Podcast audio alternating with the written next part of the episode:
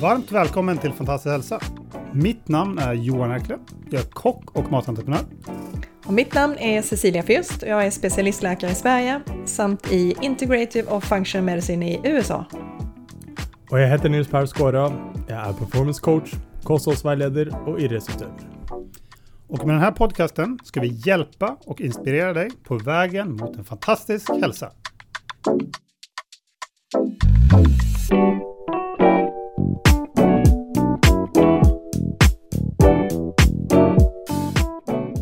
Yes, då är vi tillbaka igen. Och idag ska vi prata om någonting som jag tror de flesta tycker är väldigt relevant. Och det är uthållighet. De flesta håller på med någon form av träning. Så välkommen Kristoffer Wolf. Takk skal du ha. Du jobber altså en hel del med just uthålligheten. Ja, det gjør jeg. Eh, ja, jobber på Magnatsenteret på Skøyen, og der jobber jeg mye med utholdenhet og litt som fysioterapeut. Så Magnatcenter, det er der Peter Sederholm også jobber, som Ja, har vært her i podcasten tidligere. Stemmer. Så du er en del av hans team der, da? Ja, det, er det Ok, men eh, hur kommer det seg at du ble intresserad av just uthållighetsträning? Jeg tror alltid jeg har vært glad i det. Eh, ja, Kommer fra Sør-Trøndelag, store tradisjoner innenfor langrenn. Eh, gikk langrenn aktivt da jeg var liten. Eh, og ja, alltid vært glad i det. Kanskje vært eh, litt flink i det. Eh, så da eh, har det alltid vært av interesse. Eh, men det var først egentlig da jeg tok opp roing på universitetet at jeg virkelig begynte å trene mye og godt systematisk utholdenhetstrening. Och, så, så när du då, för, började du fördjupa dig mer i det? Ja, helt klart. Jeg ville vite eh, hvordan jeg kunne trene mer effektivt, hva var viktig å hensynta. Hvordan kunne jeg få mest mulig effekt ut av den tida som jeg la ned. da. Fordi du vil jo prestere. Ja. Ja. Du på å konkurrere det i langrenn? Eller? Jeg konkurrert i langrenn, men bare fram til jeg var 16. Okay, ja. Eh, Jeg var ikke spesielt flink der, eh, så jeg tror kanskje det gjorde det litt vanskeligere. Ja. Eh, Spilt fotball parallelt og fortsatt heller videre med det. Og så tok jeg opp roing da jeg ble ja, tilfeldigvis bare plukka ut på campus da jeg var 2021. Sikkert bare fordi jeg var litt lang og kanskje så ut som jeg hadde en fysikk som okay. passa roing. Ja. Og siden det så har jeg rodd. Så Der har du konkurrert og sånt? Ja, der konkurrerte. Og der har det gått bra eller? Ja, gått greit på et amatørnivå, i hvert fall, så har det Ja. gått ganske greit. Ja, så bra. Ja. Okay. Men hva, hva, hva, lærte du det her om utholdet? Var det på liksom egen, at du samlet egen informasjon, eller hadde, du- har du noen specialutbildning innom? Ja, nei, Jeg har ikke noe særlig spesialutdannelse der. altså. Eh, Det gikk jo en god del parallelt med fysioterapien. Jeg hadde veldig mange treningsinteresserte kamerater som jeg også rodde med. Eh, Og så har jeg jo personlig trenerutdannelse fra NIH og sånn, og fått eh, også veldig mange flinke kollegaer eh, på Magnat. Og friidrettstrenere og folk med ja, høy fysiologisk utdannelse som jeg da har fått gått eh, og lært av da, i åtte år på Magnat. Så da har jeg fått stilt mye spørsmål og jobba mye på laben og lært mye der. Ja, for ni har en del mätinstrument på Magnat som kan mäta olika... Ja, Der kan vi måle oksygenopptak og laktat og ja, det vi trenger. Ok, men eh, för... eh, Du sa någonting litt lite intressant innan vi startade här. Ja. För att jag frågade, vad ska vi kalla det? Ska vi kalla det kondition eller ska vi kalla det uthållighet? Ja, Då sa du att många kanske blandar ihop det, men att egentligen är lite, lite om man ska vara lite nördig så är det två olika saker. ja, Hvis vi skal være litt prinsippfast der, så vil jo da eh, kondisjon da være synonymt med eh, VO2 max. Og det er kanskje også andre bruker når man omtaler kapasitet. Så det å da eh, Kondisjon er da synonymt med ditt maksimale oksygenopptak. Mens utholdenhet, hvis vi skal være sånn veldig sånn på termen, da, så er jo det definert som organismens evne til å motstå trøtning. Så liksom her da kanskje primært da muskulaturen sin evne da til å kunne fortsette å jobbe eh, uten å bli sliten da, eller må gå ned i fart. Ok, men for en... Eh, altså på Magnat så trener du... eh, Har mest fokus på utholdenhet, og du trener både eh, vanliga motionärer och Ja. elitidrottare då. Det Ja. Hvilken type av elitidrottare er det? Er det, ulike det olika Eh, ja. de holder på med? Eller er det... Ja, det er mye forskjellig, men det er nok flesteparten driver på med langrenn eller løping. Okay. Og så er det noen syklister og noen triatleter. Okay. Ja. Ja. Er, er det ulike typer av opplegg altså Så klart trener de ulike saker, men er, tenker du ulikt på utholdenheten når det kommer til dem? Ja, til en viss grad så gjør jeg det. Også, det er noe veldig grunnleggende vi alltid gjør når vi kikker på en utøver og dens idrett. Da gjør vi først noe som heter en arbeidskravsanalyse. Så da ser du egentlig på hvilke krav stiller idretten til eh, utøveren. Eh, og så gjør du liksom en eh, ja, kapasitetsanalyse av utøveren. utøveren så liksom hvilke egenskaper har utøveren, opp imot hvilke egenskaper trenger utøveren. Ja. Eh, så må man jo legge opp en strukturert og effektiv treningsplan for å imøtekomme de arbeidskravene som stilles. da. Så Sånn sett så går man litt forskjellig fram. da, og så har både varighet og bevegelsesform litt å si. da. Sånn Syklistene har nesten utelukkende veldig lange konkurranser, og må dermed ha kanskje mer utholdenhet da, enn noen som kanskje ønsker å ja, springe en 5000 meter, som tar 15-20 minutter for, for de fleste. Som trenger mindre utholdenhet. da. Ja, det gir litt mening. Ja. ja. Ok, men eh, spennende. Men det er da på elite. Eh, men, eh, og det er litt mer teknisk. Men Ja. en hverdag, hverdagsmosjonær, da? Som Ja. deg? en, en hverdagsmosjonist da, som Ja. kanskje har litt mindre tid, så ville jeg nok heller hensyntatt eh, å få god kvalitet på de øktene. Og de øktene som du ofte får mest igjen for per tid du legger ned, er nok ofte det litt mer intensive. Så liksom det å trene da på, på høy puls. Eh, og så må man jo se på en måte hva man skal drive på med, men med mindre du skal drive på noe som tar veldig lang tid, så hadde jeg nok prioritert å ha i hvert fall to økter med intervall i uka. Eh, og Hvis man skal ha noe utover det, så kan man se an på en måte om det skal være eh, rolig eller styrke eller, eller hva det måtte være. Da, noe teknisk hvis de skal drive med svømming eller triatlon.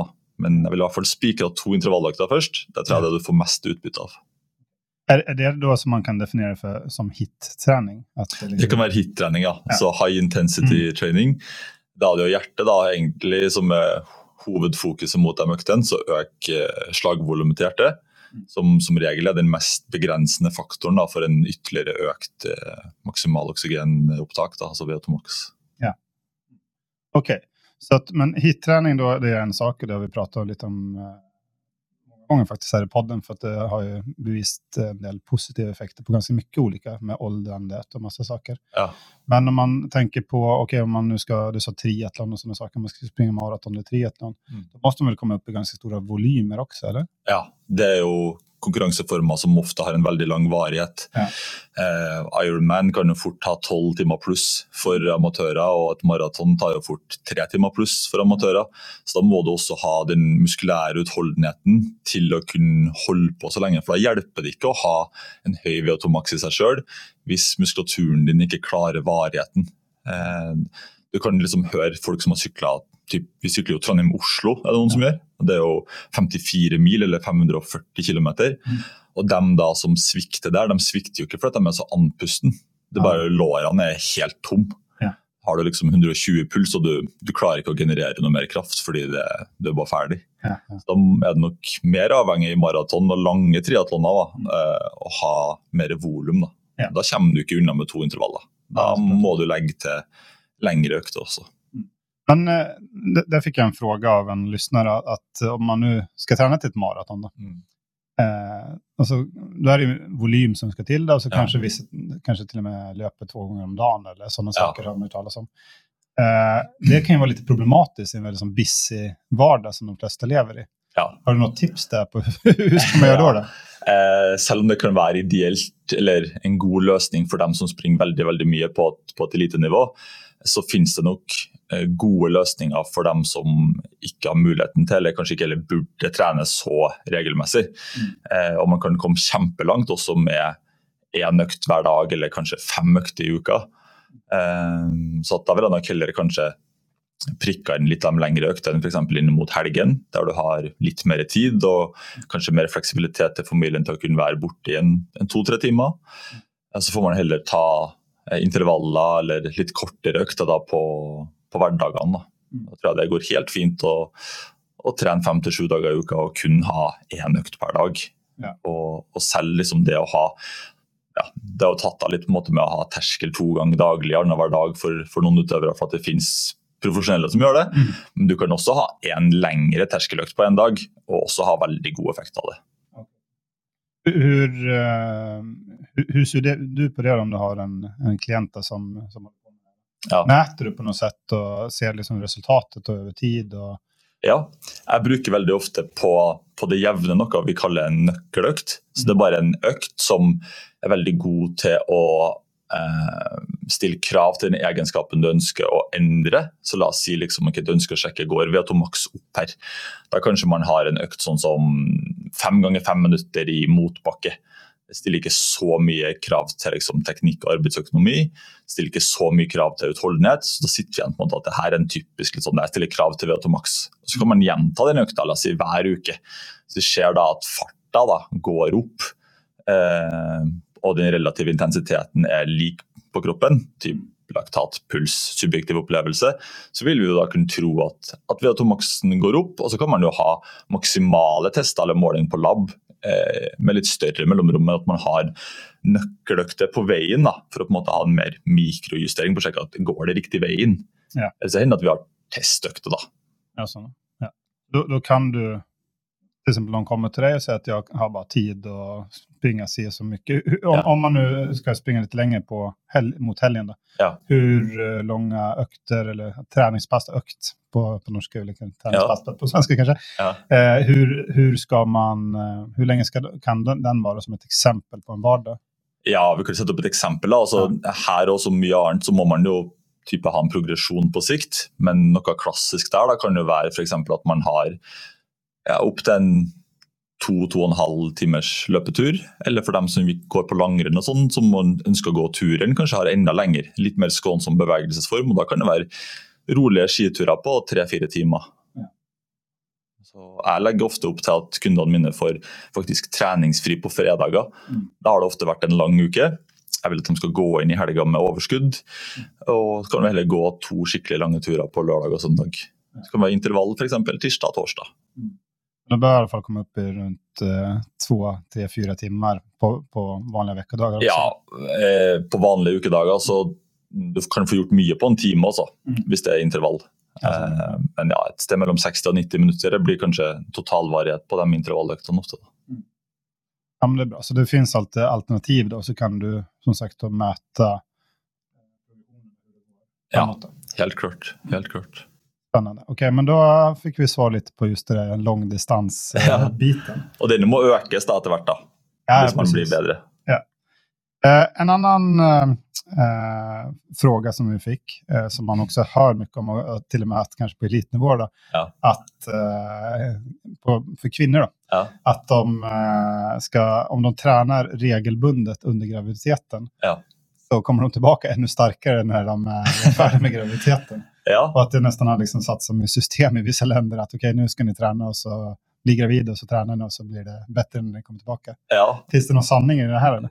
Ja, til en viss grad så gjør det jo det. Det skal sies aller først. Det er bare sånn og det, eh, at Jeg ville jo ikke anbefalt for dem som ikke er eliteutøvere å begynne å trappe opp treninga når man Ja. går inn i en graviditet, for det kan være en stor nok belastning i seg sjøl. Men dem som allerede er vant til å trene mye, og som fortsetter å trene veldig langt ut i graviditeten, og, og ja, det er i de fleste tilfeller helt greit, selv om man kanskje bør unngå de aller hardeste all out-øktene, så eh, kan mange komme tilbake og prestere bedre. Og noe ligger det i det, at eh, man kan potensielt ende opp med, med bedre blodverdier. Mm. Så både eh, større volum og eh, bedre oksygenbærende egenskaper. Ja. Ja. Da kan man komme positivt ut av det. Og det har man en del konkrete eksempler på. Ja. Så kan det sikkert diskuteres ja, hvilke faktorer som kan være med å påvirke det, da, men bl.a. blodvolum kan være en av dem. for var det inte, nej, alltså jag följer inte så mycket, men jag tror jag läste inte, var det inte hon Marit Bjørgen som Ja, var gravid och kom tilbake enda sterkere? ja hun kom tilbake ganske bra. Ja. Og hun trente Jeg tror jeg har hørt at hun trente helt til siste uka Ja. eh, før, hun, før hun fødte. Ja, Ja. ja, ja. Vi, vi har ju nyss fått en liten baby hemma, eller nu är hon tio månader, men eh, min tjej har ju också, hon är yogalärare och sprungit lite maraton innan och sånt, så, att, Ja. eh, så hon är en aktiv person. Då. Eh, första eh, vet du, trimester, eller den första tiden där, då var hon ju helt utslått. Men sen fick hon sån superkrafter. Ja, Så då var hon ju massa ute och rörde på sig. ja det er godt Så helt sjukt på sk skidor hela tiden och det var full, eh, full fart. Ja, ja, Så att det kan hända att hon har också fått lite bra ut av det. Då. ja, Men då var ju hon bra grundtränad innan också. Ja, det hjelper jo. Jeg ville jo ikke stått og anbefalt liksom, å trappe opp treninga, som sagt. Det ville jeg ikke. Og så skal man være litt forsiktig i, eh, i ettertid, faktisk. Okay. Med tanke på belastningsskader og sånn. Man kan være litt mer utsatt for å få eh, ja, både seneskader og, og tretthetsbrudd osv. Så, videre. så liksom pass på litt treningsvolumet i, i etterkant, og ja, kanskje hva slags bevegelsesformer sånn man utsetter seg for. Da. Jag, tror, jag tror det är väldigt fint att lyssna på kroppen. Ja, det pleier å være en ja, grei, ja. grei tommelfingerregel. Ja, jag, jag, brukar i alla fall säga det. det. Hon gjorde ju det för hon tyckte det var göj. Det var Ja. liksom inte för att okej nu ska jag bli supervältränad. Hon tyckte det var kul. Så hon Ja. gjorde det hon hade lust på. Ja. Men det är nog smart, exakt som du säger, precis när man har fått barn tror jag man ska ta det ganska försiktigt efteråt. För man har ganska mycket saker som har hänt i kroppen. Ja, det er det. det man kan se at mange da, som til og med føler seg bra, Mm. eh, kan være, kan være litt mer skadeutsatt Mm. i ettertid. Men eh, det finns ju ganska mycket eh, myter Ja. rundt eh, det tycker jag det är alltid kul att gå liksom in på, Ja, Rundt uthållighetsträning och kondition. Ja, ja. Jag vet att du har förberett några, men jag tycker en, sån- en sån klassiker som man brukar prata om att äh, men man ska inte kombinera styrketräning och konditionsträning. Ja. Vad save den? ja den kom på topplista mi. Ja. Eh, jeg skrev ned en god del, og den endte opp på topp tre. Altså, for okay. Jeg hører det så mye, og det er selvfølgelig det er noe eh, sannhet i det. Men det gjelder veldig få. eh, og det er veldig mange måter man kan jobbe rundt det på. Så liksom For folk flest så er ikke det der et problem. Mm. Det er ikke et problem for dem som er på mosjonistnivå å kombinere styrke og kondisjon. Så Da begynner du å bli utrolig sterk, og du er på et høyt nivå innenfor styrke. Mm. Så kan det å legge til for mye kondisjonstrening eh, jobbe imot det du ønsker å oppnå. Da skal du begynne å bli ganske sterk og være på et ganske høyt nivå, for det begynner å bli aktuelt. Ja. Så liksom at, at det er noe som hvermannsen skal gå og tenke på, det, det er ikke nødvendig for flesteparten. Altså. Mm. så liksom, hvis man vil passe på noe, så må man tenke på at eh, de tingene som gjør at kondisjon og utholdenhetstrening blir litt negativt for styrketrening, det er primært lokalt. Og det vil si at du kan fint trene da f.eks. styrke og hypertrofi på overkroppen. Og hvis du da ikke så langt vekk fra den økta har f.eks. en en utholdenhetsform eller en kondisjonsform som bruker primært bein, så er det mindre ødeleggende for styrke- og utholdenhetsprogresjonen din enn hvis du hadde jobba på samme muskelgruppe. Ja, det er interessant. Så at jeg kombinerer av og til eh, har over-underkroppssplitt Mm. på styrken min. Og så hensyntar jeg litt hva er den neste kondisjonen eller utholdenhetsøkta. Så prøver jeg å ha det på muskler som er mindre involvert Mm. enn det jeg trente sist da, av styrke. Ja. For eksempel. Men det beror jo kanskje også litt på hvor eh, hur, man, hur, hur man är i kroppen också. Då, Ja. och så vidare. Om man tänker om man tar det extremt, så man brukar säga att okej, om du ønsker en speciell typ av kropp da, så kan du se på de idrettene som håller på med den formen. Om du ser på langdistanseløp, eller om du ser på Mm. en sprinter, eller om du ser på kampsporter eller hva. Mm. Så, men de som man ser på da, er ofte elit. Ja, det det, det. er ikke liksom så at man bare ok, jeg gikk på gym og så jeg vil ikke trene så hardt så at jeg ikke ser ut som Arnold. Liksom. Ja. Det skal ganske mye komme til for at man skal bli så smal Ja. som kanskje en som løper veldig langt, eller bli så stark og stor og muskuløs som en som tyngdlyftning. Liksom. Ja, helt klart. Jeg, jeg har også bekjente innenfor treningsbransjen som er vanvittig sterk, Ja. og som fortsatt trener kondisjon og utholdenhet så mye som to til fire ganger i uka. Så det lar seg absolutt eh, kombinere. Mm. Men kanskje enda viktigere å passe på totalbelastning da, og få i Mm. seg riktig med næring og søvn og sånn i tillegg. For det er jo en totalbelastning også, men eh, Mm. jeg tror det er langt ifra så, så ødeleggende som mange tror. da. Ja, precis. Jeg så beror det kanskje på om man nu som mest, alltså, största målet att kanske hålla på med skidåkning eller eh, maraton och sånt Mm. där. Om man ser på de kropparna, då kanske man inte samtidigt kan tro att man blir jättemuskulös. Liksom. Nei, ja, det er sant. Så Det det är är sant. kanske någonting där mittemellan. Att det, det är ju inte kanske ödeläggande eller förstörande som du säger. Men, men man måste kanske också ha liksom realistiska mål. Man kan inte tro att man får både och. Att jag ser ut som Nei, Det er vanskelig. Altså, det vil jo være vanskelig å se ut som, som en kroppsbygger og samtidig ha egenskapene til en langdistanseløper. Mm. Eh, og det vil jo være praktisk veldig uhensiktsmessig, og det å være så muskuløs hvis du skal frakte kroppen din langt fort. Ja, for det blir vel veldig tungt. Eh, ja. Ja. ja, det er sant. så. Men, men det er også också om man tar det ekstremt. Men bare for, jeg bare tänkte, det, det er fint å at visse kanskje tror også at ja, men, jeg skal ska ha alt, Liksom. Ja. Jag ska kunna springa langt, jeg skal være jättestark og ha supermye supermycket muskler. Ja. Det är, Da må du inngå noen kompromisser, da. Så, men det går an til å være relativt god på allround. Mm. Eh, men ja, du kan ikke være elitenivå på alt samtidig. Det er vanskelig. Det er vanskelig. Ja. Eh, Nils Pål har Ja. også jobbet med deg. Ja, kvar längre, men i alle fall han eh, også också med på denne podkasten. Ja. Han, eh, han har jo testet å konkurrere både i styrkelyft och eh, sprint. Ja. Nu kanskje de går litt mer hand i hand. Ja, litt mer i hvert fall. Ja. Ja, det hadde vært svårt å kanskje kjøre styrkelyft og maraton. ja, det ville vært vanskeligere. I hvert fall hvis han da skal være eh, Hypertrofi og kondisjon går bedre sammen enn styrke og uh, utholdenhet, liksom. Mm. Uh, og det da i tillegg prøve å være rask på en 100 meter og kunne holde ut et maraton, det begynner å gå virkelig på krasj. Ja. Ja, Ja. det Det, det säger krasje. kanske sig självt Ja. också. ja. Ja, men intressant. Okej, men uh, du sa at uh, den der var på topp tre. hvilke er på topp tre, ja. Ja, vi- vilka Ja. de to andre på topplistan? Eh, ja, jeg skriver jo ned ganske mye, da, for jeg hører jo mye. Ja. Eh, jeg tror kanskje en annen en jeg vil ta, jeg som går litt på eh, Mange som kanskje ikke er så glad i utholdenhet litt, eller kondisjon. da, tror jeg har et bilde av at kondisjonstrening må være så, så sinnssykt hardt. At liksom det må være blodsmak i munnen, alt du kan, ligge i grøfta etterpå, helt ferdig. Og selv om intervalltrening er, eller høyintensitetstrening er, er tøffere enn en, enn en rolig joggetur, eh, så, så er, trenger det ikke å være så hardt.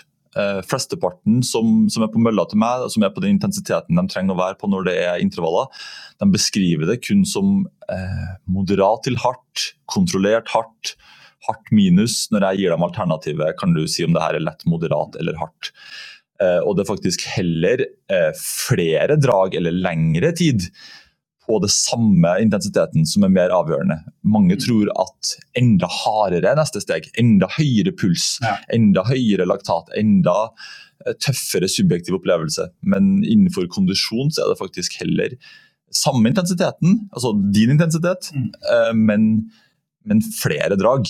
Og selvfølgelig blir du i bedre form, så må du øke farta for å imøtekomme intensiteten. Mm. Så Det er på en måte en annen ting. da Folk tror jo at man blir bedre av å øke farta. Mm. Du blir ikke bedre av å øke farta. Nødvendigvis, du, Intensiteten er på en måte satt. Og fordi du har blitt i bedre form, så må du øke farten for å komme opp i intensiteten. Sånn burde egentlig mange former være. Sikkert innenfor styrketrening òg. Du legger på vekt fordi du har blitt sterkere Mm. av treninga du har gjort. Mm. Du blir ikke sterkere nødvendigvis av å legge på vekt. Ja, Så liksom, ja, det er litt, det er litt sånn misforståelser rundt det der. da. Ja. Så Mange tror for at man kan fortsette å springe klassisk sånn fire ganger fire, Mm. og så ha evig progresjon på fire ganger fire. Mm. Nei, det vil du ikke ha. Da vil du stoppe etter hvert. Og så må du heller øke antall drag. Ikke springe fire ganger fire på enda høyere puls eller på enda høyere subjektiv opplevelse. Da. Du må heller springe f.eks. flere drag. da. Fem stykker, seks stykker. Ja. Vi gjør av og til 10-15 stykker. Okay. Altså, det er den veien det går. Ja, ja. ja, men det, det er interessant. Ja. Men du sa det også at uh, spesielt sånne som kanskje ikke er så glad i fremuthållighet. Ja, og da tenker jeg at Det kan være med å gjøre det lettere for dem, da, for Mm. det må faktisk ikke være så hardt. Mm. Og for dem som har lite utvikla kondisjon, så trenger det kanskje ikke å være så hardt engang. Kanskje det kan være enda litt lettere. Mm. De vil fortsatt ha effekt. Mm. Det, det begrenser hvor mye du trenger å ta i på styrke hvis du aldri har løfta styrke. Trenger liksom ikke å ha to repetisjoner igjen i reserve. da. Du kan stoppe sikkert enda før det og fortsatt ha effekt. Men når du blir bedre, så må du i styrke så må du i hvert fall ta i litt mer. Jeg. Ja. En, en sak som jeg tenker på når du sa det er også folk som kanskje ikke gillar den type av trening. Mm. Jeg har også pratet tidligere med podden at man just med trening at man kanskje ser litt lekfullt på det. Ja. Hva, vad tycker jag är kul? Ja. Som jag tycker är ganska tråkigt att löpa. Jag, Ja. eh, jag tycker inte det är så kul. Liksom. Men, men uh, längdskidor däremot. Mm. Det, och det, det, blir också kanske beroende på var man åker någonstans. Men är det liksom bra kuperat med liksom lite backar och lite flat och lite ner och lite hit och mm. dit sånt, så blir det ganska eh, varierande. Ja. Då får du nästan automatiskt, för nu är det lite backar och sen blir det lite, mm. lite speed. Och det, det tycker jag är kul, för då får jag dels ett fartmoment, för sånt ja. tycker jag är kul. Ja. Och så lite jobbigt när man ska upp för de här backarna. Ja, men Det är ett perfekt exempel. Mm. Eh, det är något vi vill ha kallat liksom litt sånn naturlig intervall. Mm. At liksom terrenget får til å bestemme litt også. Og så er det eh, Kondisjon i seg sjøl, det trenger ikke å være bestemt en bevegelsesform. Om hjertet ditt slår eh, fordi at du springer eller går på ski eller ror eller sykler, det er ikke så nøye. Så Da kan du veldig gjerne velge en bevegelsesform du vil, og velge også kanskje en intervalltype. Mange som, som syns det her ikke er så gøy, kan jo da velge en kort intervall. liksom. En sånn 40-20 eller 45-15 eller 20-10. Mm. Da kan vi fortsatt få, få, opp hjertet til å slå ganske bra, men du trenger ikke å jobbe så lenge av gangen. Det kan ofte være lettere å motivere seg til. da. Mm. Du får ikke for pause allerede om 20, om 20 sekunder, får pause igjen om 20 sekunder. Jeg kan gi meg, liksom, ikke sant? Mm. Og så videre. En annan idrettsform idrottsform eh, eller en aktivitet som jag tycker är väldigt kul, det är ju stigcykling. Ja. Det är lite samma. Alltså, ja. Då är du i skogen, det är väldigt eh, nice tycker jag. Ja. Härligt att vara i skogen. Och så kan du välja lite var du ska cykla. Då. Om ja. du vill klättra mycket då, och köra klätt, eh, teknisk klättring så är det väldigt tufft. Ja. Men så kan du, och så får du ner farten efterhvert. Ja. Och det tycker jag är väldigt kul variation och lekfull form för träning. Då, som också ger lite adrenalinkicken. Ja, Da glemmer man nesten at man, at man trener. Ja, og, og, der kan det være litt sånn kortintervallpreg eh, på. Mm. Mens landeveissyklinga kan være litt mer sånn monotont, så er det jo ja. veldig mye endringer i stisykling. Ja. Og ja, For dem som liker lagsport eller ballsport, og sånn, så kan det være en fin måte å, å få pulsen på. Da. Ja, precis. Mm. Ja, det, det, er sikkert mange som velger det. Just ja. basket, fotball og alt det där. Det, ja. det är smart. og det er jo kul også. Ja, det er artig. Da glemmer man litt at man ja. kanskje jobber hardt. mm.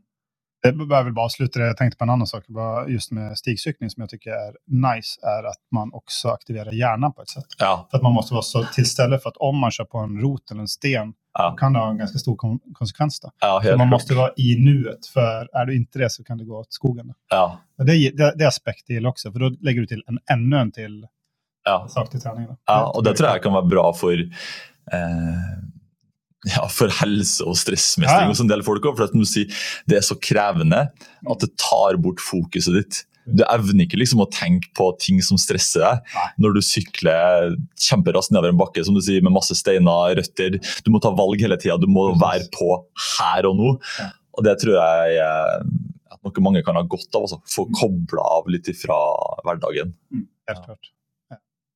Ja, men där är du inne på någonting, för du, du nämnde stress där också. Ja. Och det är ju ett eh, stort, det vi också pratat väldigt mycket om. Oavsett vad vi är inne på, om vi pratar om hormoner eller någonting, så stress har en inverkan på de mesta processerna i kroppen. Mm. Uh, och det kan vara också lite problematiskt om någon kommer till dig och så vill de springa maraton och så är mm. de superstressade. Mm. För det har vi som sagt nämnt här flera gånger, att uh, kroppen är väldigt svårt att känna skillnad på positiv och negativ stress. Mm. Är kroppen jättestressad och då är det kanske inte så bra att utsätta det för den hårda påfrestningen som springer ett maraton. Då. Nej. V vad tänker du där? Någon kommer till dig och är superstressad? Eh, ja, eh, kanskje altså Jeg har jo tanker rundt det, selv om kanskje ikke ja. det her jeg står sterkest. så er det jo, Jeg tror mange kan finne eh, mye positivt i det, mm. og kan ende opp med at eh, at totalen da, rett og slett kan bli, eh, bli, positiv, selv om det da er et tilleggsstress, på en måte det å, å trene og, og, springe i tillegg. Man bør jo passe på eh, at, at, man klarer å ta til seg treninga, selvfølgelig. Men jeg tror mange kan ende opp med at det gir da, mer enn det det tar. At man kanskje sover bedre, eh, klarer å ja, miste fokus fra det som stresser seg når man er på trening. Eh, får ja, positive naturopplevelser hvis man springer i skogen eller under eh, ja, omstendigheter og omgivelser som, som, får deg til å koble av. Mm. Så at, eh, jeg tror hos veldig mange så kan det være et positivt utbytte, selv om det er en ekstra totalbelastning. Ja, den, den är, det är meningen, det, det er jo sant. Og just når du får forbedret förbättra søvnen og alt, alt det kommer ut i naturen er jo veldig fint så sett, som du mm. säger. Eh, men då måste man kanske vara för den personen beroende på hur sliten och stressad är, att man börjar ja. väldigt lugnt. Ja, man må begynne rolig, og jeg prøver alltid å være flink til å formidle at eh, selv om man får en treningsplan, om man enten har laga den sjøl eller har fått den og fått hjelp, liksom, så er det ingenting som er skrevet i stein. Dette er noe som vi antar er en god plan når vi gir den ut, men du må alltid liksom eh, autotilpasse eller justere treninga di på hver enkelt dag. Uh, og Av og til så kan det av og til da være lurt å ha en trener som kan hjelpe dem å ta de avgjørelsene. for Flesteparten er for glad da i å fortsette å pushe på. Uh, og enkelte av de yngre utøverne jeg har hatt, så får ikke de av og til langsiktige treningsplaner. Fordi de får så mye negative følelser uh, rundt det å ikke ha gjort en økt som de skulle ha gjort. Så De får ikke vite at de egentlig skulle hatt en økt i morgen. Jeg hører på hvordan de har det, så tenker jeg sånn, du skal ikke trene i morgen. Eh, men de får ikke vite at de egentlig skulle hatt en økt i morgen. For da, for da hadde de fått dårlig samvittighet. Mm. ikke sant? Så liksom, ja, Man skal passe på uh, totalbelastninga til dem, og hvis man vet at det er en person som har mye ansvar, stor totalbelastning, så eh, hjelp dem å, og liksom intensitetsstyr og passe på totalbelastninga, og heller si at eh, ta det rolig i dag og kan ta en økta senere. Du er ikke mottakelig for trening nå. Ja, det är bra. Och så är man väl just med stress, det är ju ingenting man kanske alltid är. Nej. Det beror på vad livet är. Alltså, det, kan ju komma, det kan vara en massa orsaker som, som gör att du är stressad. Mm.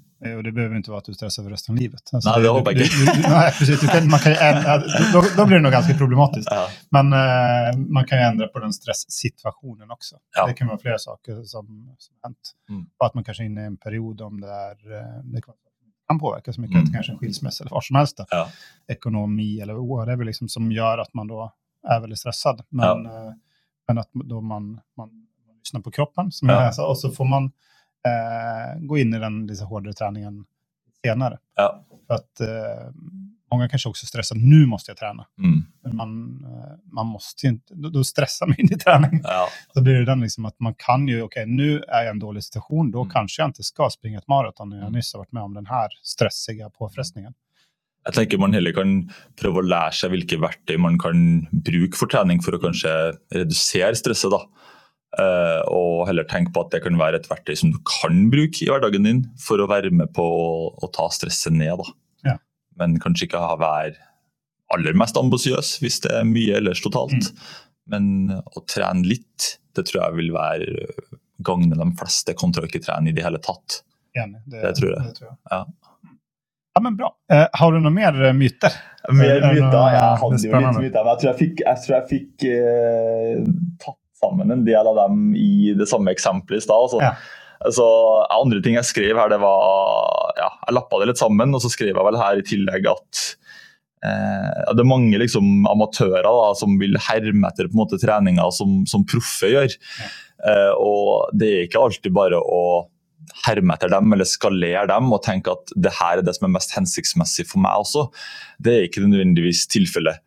Og liksom, i hvert fall i Norge, liksom den kondisjon- og utholdenhetsmodellen vi har her, så har man jo liksom snakka om 90-10, f.eks. Liksom, Mm. 90% av treninga som utøverne gjør på et høyt nivå, den er rolig, og 10% er hardt. Eller kanskje enda mindre av og til hardt hos noen.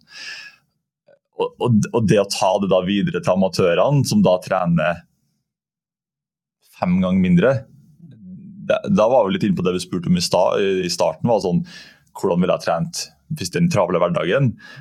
Det var jo ikke det første jeg sa da, var noen 90-10-tilnærming. Jeg sa jo hold igjen på det harde, for det får du mest igjen for i de fleste tilfellene.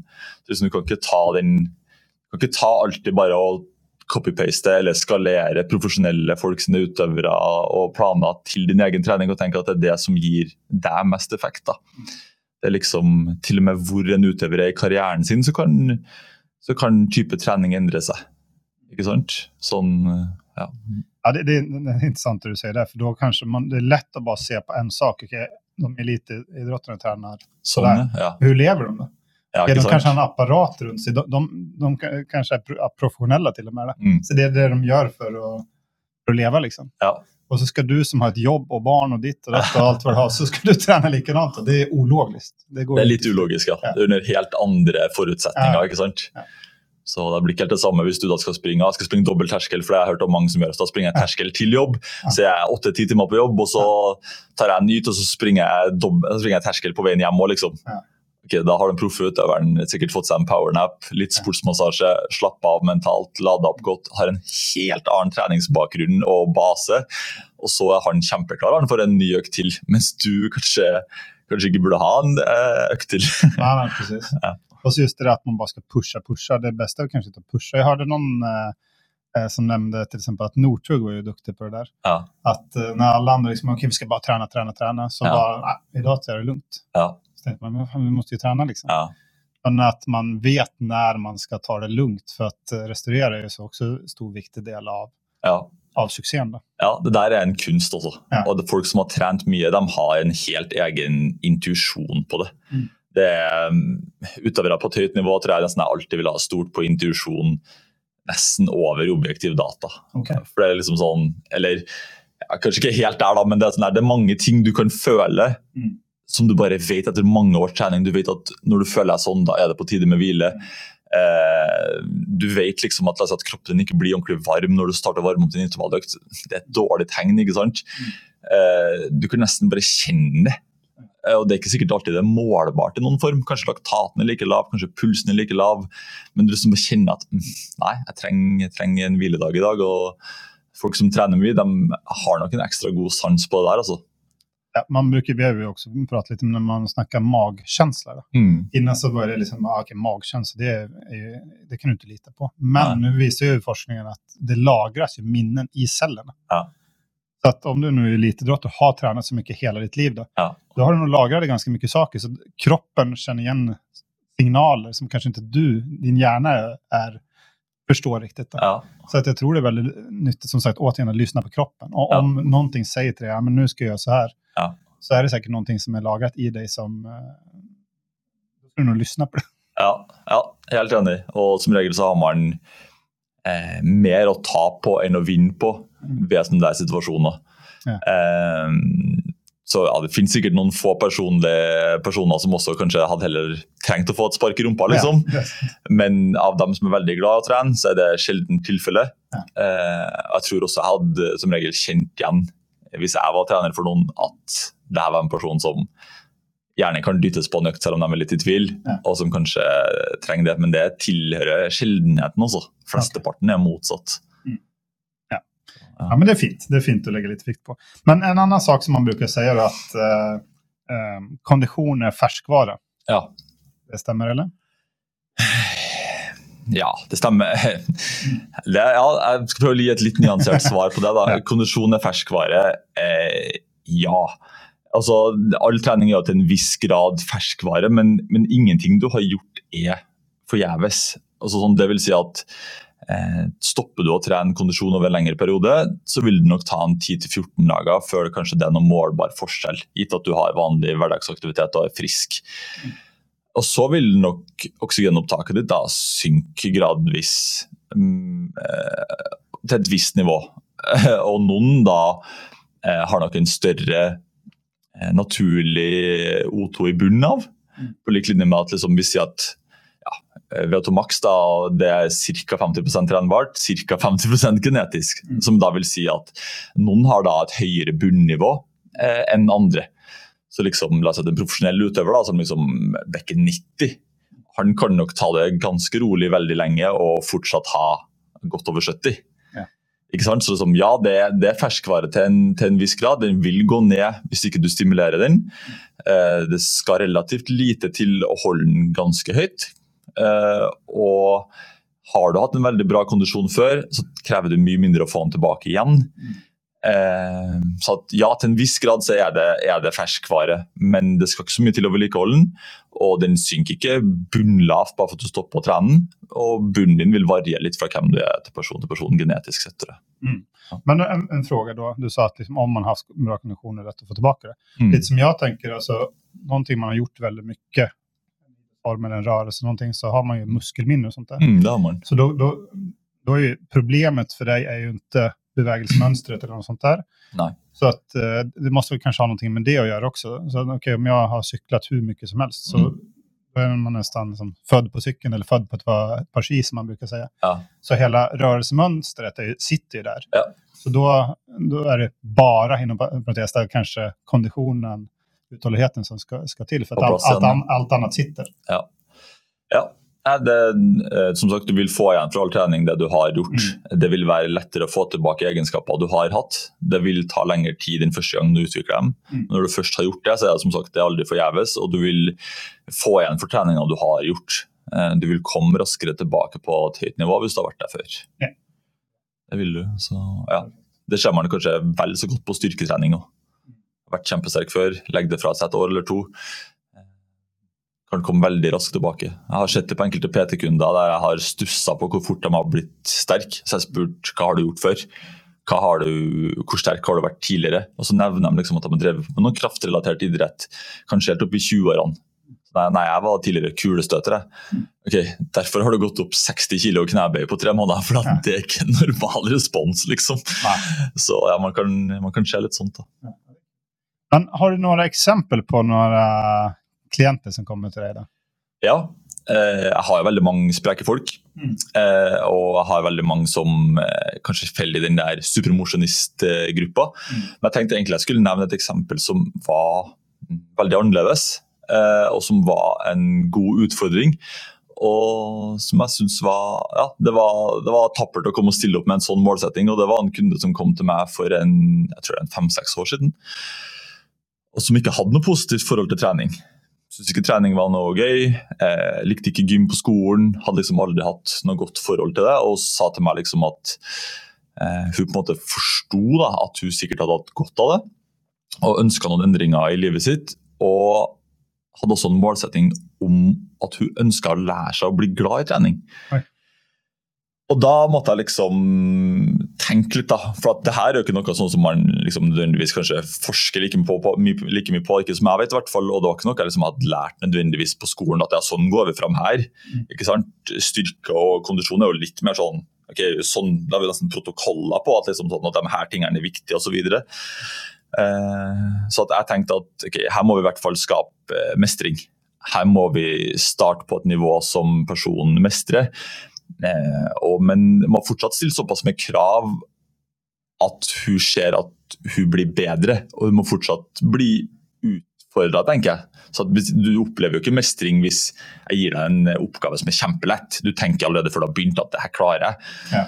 Som fant en litt balanse der, og vi hadde en, en god dialog underveis. Og jeg tror det var rundt et år etterpå så sa hun uh, uoppfordra sjøl at eh, nå gledde hun seg litt til å gå på trening. Vilken type, Hun trener hon da? Altså, Trena utomhus. primært styrke, faktisk. Okay, ja. Ja, eh, trent litt styrke, eller trent en god del styrke. Eh, etter hvert også begynt med litt eh, kondisjon. Eh, hun er ganske god på romaskiner, f.eks. Eh, sterk i rygg og bein. Eh, og vil ta den så langt at hun faktisk jeg synes hun gjør det bra der. Ja. Så ja, kommer veldig, veldig langt. Eh, og nå er trening et fast inventar i hverdagen hennes. Og ja, jeg tror noen også kan bli overraska på en måte at eh, man kanskje kan til og med være flink. Så man Ja, aldri fått noen særlige tilbakemeldinger på at man har vært flink, så kanskje man ikke er så eh, uten talent som man kanskje tror. Ja, den er bra. Det kommer tilbake litt til det at, eh, man kanskje skal se litt lekfullt til Det kan hende at om man bare går inn och ja, nu ska jag testa lite olika saker. Nu ska jag testa Ja. lite löpning, nu ska jag testa simning, nu ska jag testa curling, whatever. Liksom. Man testar Ja. bara olika saker. Så Ja. kanske man visar sig att man är, har litt man är lite talang för en av de här sakerna. Ja, helt klart. Ofta, om, nu som hon var bra i roing, då, Mm. eh, då när man märker att okej, det här var jag ganska flink på. Ja. Då, då, då, då tycker man oftast det är lite kulare också. Ja, helt klart. Så blir man motiverad till att, att köra på det. Ja, utvilsomt. Så, så därför tror jag att man ska testa lite. Ja. Det er veldig, ja, det er ufarlig. Ja, ja. Altså I verste fall så har du lært noe, og så fortsatte du ikke det med det. liksom. Eh. Men det har du i hvert fall prøvd. da. Og i beste fall så eh, har det bidratt til masse. Kanskje du liker det kjempegodt. Og kanskje du oppdager at du til og med er nesten har gode forutsetninger for noe. Men du aldri har visst det fordi du har aldri prøvd.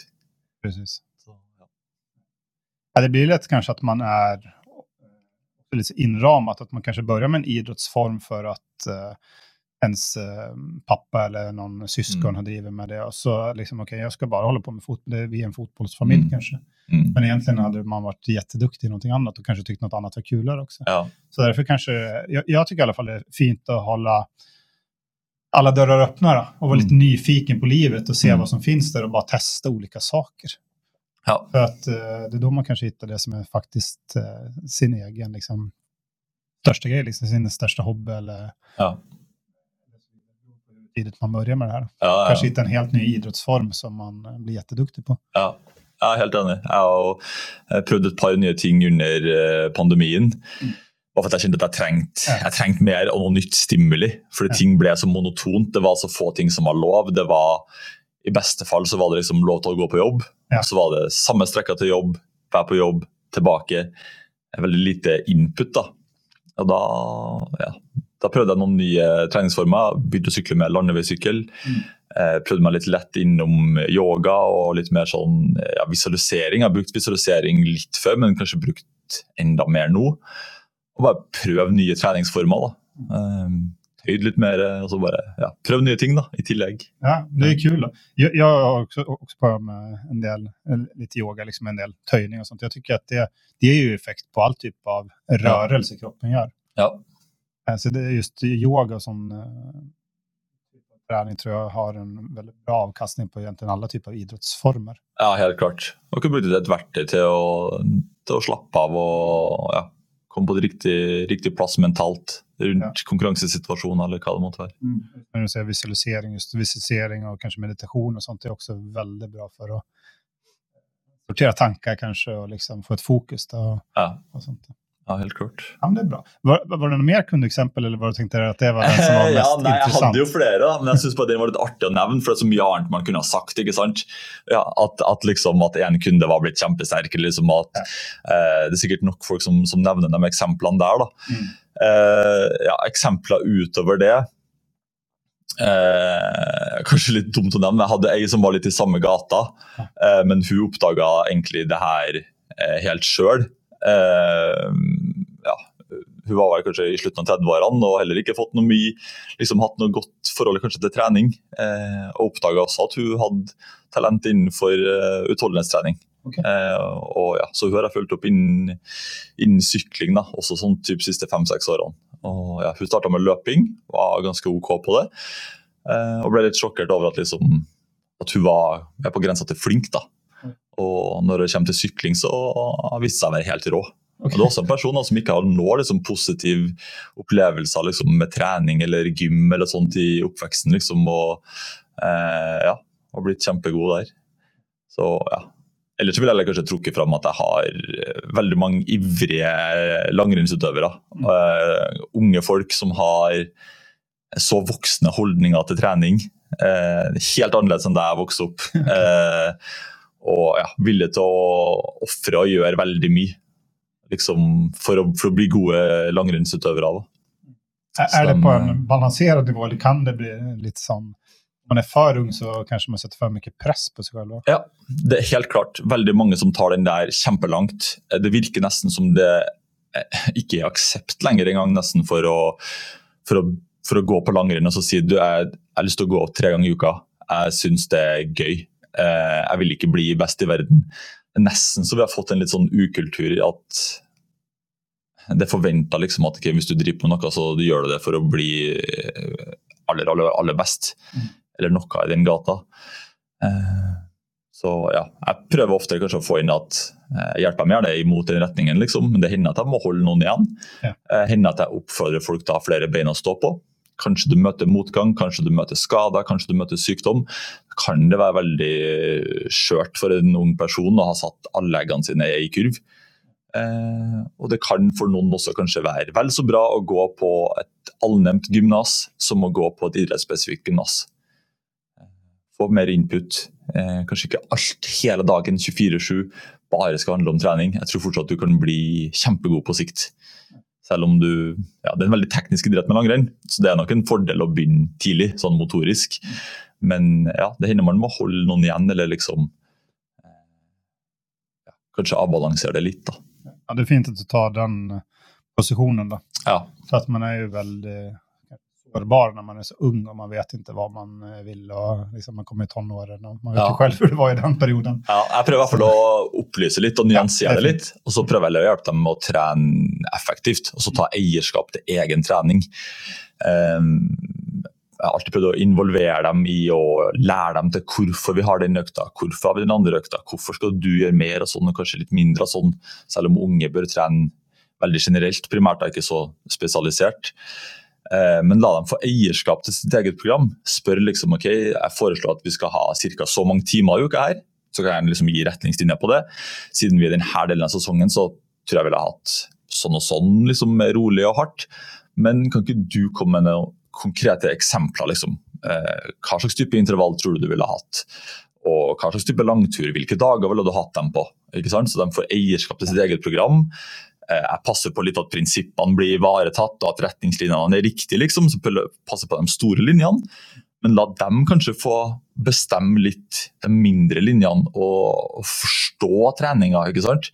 Eh, da er det lettere for dem å justere og det er lettere for dem å uh, ja, rett og slett ha eierskap til egen trening. Da. Jeg tror jeg de trives bedre. Ja, men det er bra. Og så skjønner de hvorfor de gjør ting. Ja. Det, det er viktig. Jeg syns det er viktig. Mm. Hva er liksom, jeg spør alltid, hva er hensikten med økta her?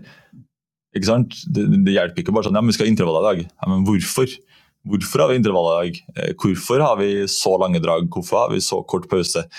Og så videre, da. Mm, hvorfor er det liksom, vi gjør det her i skate i dag? Hvorfor gjør vi det ikke liksom, i klassisk? Hvorfor gjør vi det ikke i løp? Du må, du må i hvert fall ha en tanke bak det og kunne forsvare liksom, okay, hva, hva er hensikten her.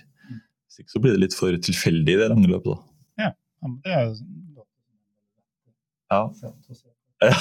og så tycker jag, så Det som de to eksempler du lyfter fram der, alltså att eh, det er fint at du jobber med elitidrottare och så vidare, men ja. när, du, när det kommer en person der som du egentlig kanskje ändrar livet til, då, ja. som ikke har gillat träning og som uh, får man hittar något sånt där, då får man garanterat en helt ny livsglädje også.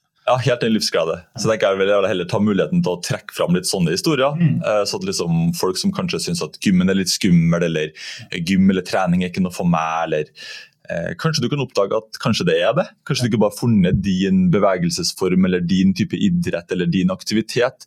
Og kanskje du er mye flinkere enn, enn det du tror, og, og, helsegevinsten her er jo mye større enn den personen som vil gå fra å være sprek til supersprek, kontra den som da er relativt ineffektiv, som, som begynner å bli ja, moderat aktiv. da. Men det her var jo superinteressant. Har du noen siste tips innan vi blir en lang prat når man prater om det som er spennende, men har du noen siste sånn, tips for kondisjon? Siste tips for kondisjon? Eh, gjør det i en bevegelsesform som du syns er artig. Eh, prøv å gjøre det regelmessig. Er du ambisiøs, så heller fokuser på å gjøre flere drag enn nødvendigvis hardere drag. Og så er du bare ute etter kondisjonen i seg sjøl, så, så, er ikke bevegelsesformen så viktig. Og det trenger ikke å være kjempehardt. Det, hvis du ligger rundt 90% av makspuls, og for dem som er dårligere trent, kanskje enda litt lavere, så er det mer enn en hardt nok. Det trenger ikke å være eh, blodsmak å ligge i grøfta etterpå også. Ja. Men det var du sa puls der, bør man ha en pulsmeter? Hvis du ikke har noe forhold til puls, så tror jeg du bør ha det en liten periode for å vite at du ligger riktig. Mm. Eh, jeg sjøl har ikke brukt pulsmåler noe særlig på seks-sju år. Eh, jeg føler jeg har en god følelse på det, og hver gang jeg eventuelt har liksom, tatt den fram igjen, liksom, så, så, ligger jeg der jeg tror jeg skal ligge. Ja. Og eh, ja, jeg har veldig ofte en progressiv tilnærming til intervallene mine. Så hvis, jeg føler at måte, ikke jeg har trent hardt nok i starten av intervallet, så tar jeg heller et drag eller to til på slutten. Uh, og prøver å trene det vi kaller polarisert, så at roligtreninga mi er, er veldig rolig. Og hardtreninga mi er primært passe hardt, og av og til så er jeg en kjempehard. Alt jeg kan. For det er ikke nødvendigvis for at det gir meg så god effekt, men jeg har et eh, behov for det sjøl. Både for å måle progresjon, eh, og noen dager så er det bare deilig å ta ut alt. Ja. Selv om kanskje ikke det er det smarteste som fysiologisk sett, så har jeg et behov for det. Ja. Ja, men bra. Men jeg tenker bare avslutningsvis også, når man uh, prater om kondisjon Vi sa jo litt om om du er stresset, sånn, så kanskje det ikke er så nyttig å gjøre det. Uh, for uh, mye nå når man som, som holder på å forske på sånn longevity og sånt, mm. så ser jeg at ok, for aldrende så kanskje det ikke er kjempebra å springe kjempelangt hele tiden. Da ser det ut som at hårdstyrketrening og mm. uh, hittrening er bedre om man bare ser på åldrandet. Mm. Har du noen tanker der? Ja, Aldrenhet, altså betyr det? Eldring, liksom? Ja, eldring. At ja. du blir, blir, eldre. Så at du ja. aldres på et sett så at du eh, kan være frisk lenger da, inn i Ja. sen alder og leve lenger. Da. Ja, veldig mange av parametrene vi måler der på, er som du sier, er jo på kondisjon og styrke. Vi, og vi ser jo sterke korrelasjoner der. Eh, så jeg ville definitivt fokusert på det videre, altså ja, hitta og styrke. Eh, og kanskje aller flest neglisjerer styrken. Ja, veldig mange tar, altså, tar ikke å trene nok styrke, rett og slett, når de blir eldre. Så der tror jeg det er helt klart det er mye å vinne. da.